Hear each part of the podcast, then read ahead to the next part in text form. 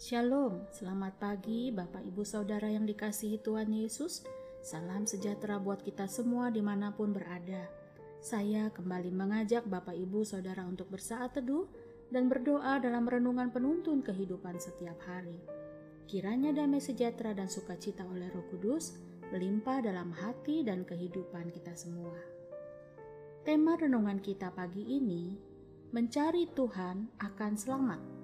Nats firman Tuhan terdapat di dalam Amos 5 ayat 4 sampai dengan 5. Demikianlah firman Tuhan. Sebab beginilah firman Tuhan kepada kaum Israel. Carilah aku, maka kamu akan hidup. Janganlah kamu mencari Betel. Janganlah pergi ke Gilgal dan janganlah menyeberang ke Beersheba. Sebab Gilgal pasti masuk ke dalam pembuangan dan Betel akan lenyap. Saudaraku yang dikasihi Tuhan Yesus, dunia semakin hari semakin sibuk dengan orang-orang yang mencari uang, kekayaan, pangkat, kedudukan, bahkan orang-orang yang sampai mencari muka untuk mendapatkan kedudukan. Tidak sedikit orang rela menghalalkan segala cara, tetapi anehnya, setelah semuanya dapat dicapai, tidak juga puas, malah semakin besar lagi keinginannya untuk mendapatkan kepuasan. Bekerja keras itu baik, saudaraku, tetapi tanpa Allah di hati kita, tanpa Allah yang menuntun kita, semua jatuhnya akan sia-sia, bahkan dapat menyeret kita untuk berbuat apa yang jahat di mata Tuhan. Amos adalah salah satu nabi Tuhan pada zaman kerajaan Israel dan kerajaan Yehuda.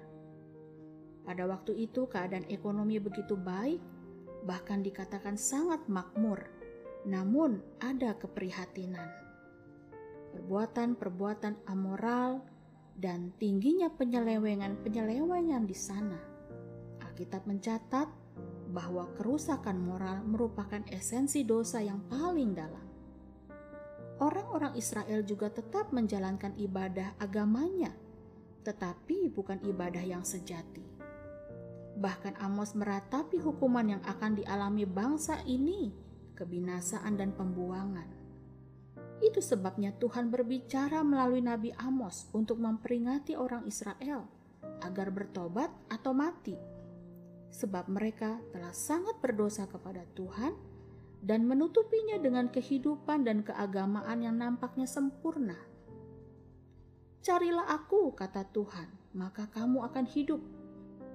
Saudaraku, Matius 6 ayat 33 berkata, Carilah dahulu kerajaan Allah dan kebenarannya, maka semuanya itu akan ditambahkan kepadamu. Mencari Tuhan, jangan di Betel, jangan pula di Gilgal, bahkan ke Bersheba Memang tempat-tempat tersebut ada sejarahnya, dipakai oleh para bapak bangsa mencari Tuhan. Tetapi tempat-tempat itu pun ternoda karena ada segala kejahatan juga di sana. Mencari Tuhan yang benar adalah dengan hati saudaraku, yang sungguh-sungguh bertobat, merendahkan hati kita di hadapannya dan hidup di dalam Tuhan. Kalau kita hidup di dalam Tuhan, maka kita mencari uang, maka kita akan mencari uang dengan benar. Dan kita pakai juga dengan benar. Kalau kita mendapatkan kekayaan, kedudukan, dan kesuksesan, kita akan menggunakannya dengan kebaikan dan penuh tanggung jawab, tidak diselewengkan. Karena kita punya dasar yang benar, maka kita akan berjalan dalam kebenaran. Mari kita cari Tuhan lebih lagi, saudaraku karena jika kita mencari Tuhan, pertama kita akan selalu melihat mujizat.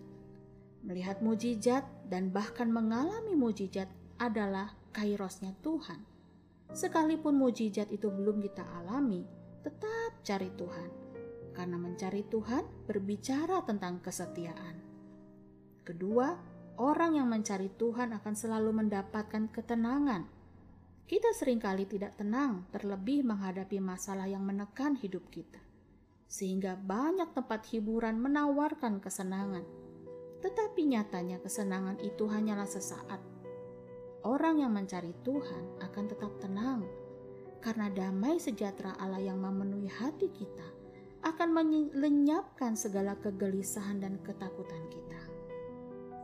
Dan ketiga, orang yang mencari Allah akan selalu mendapatkan petunjuk dan pimpinan yang terbaik. Saudaraku, sering kali kita berada dalam keadaan tidak berdaya.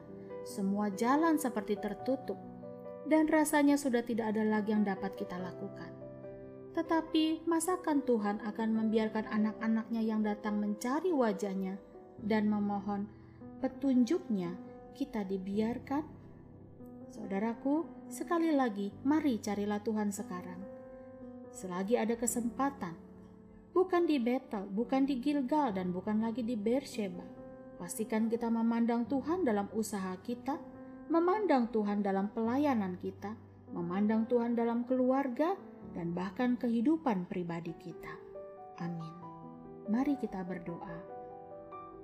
Tuhan Yesus, terima kasih buat firman-Mu pagi hari ini yang telah mengingatkan kami untuk mencari Tuhan selagi masih ada kesempatan. Kami percaya kehidupan di zaman Nabi Amos tidak jauh berbeda dengan kehidupan di zaman sekarang.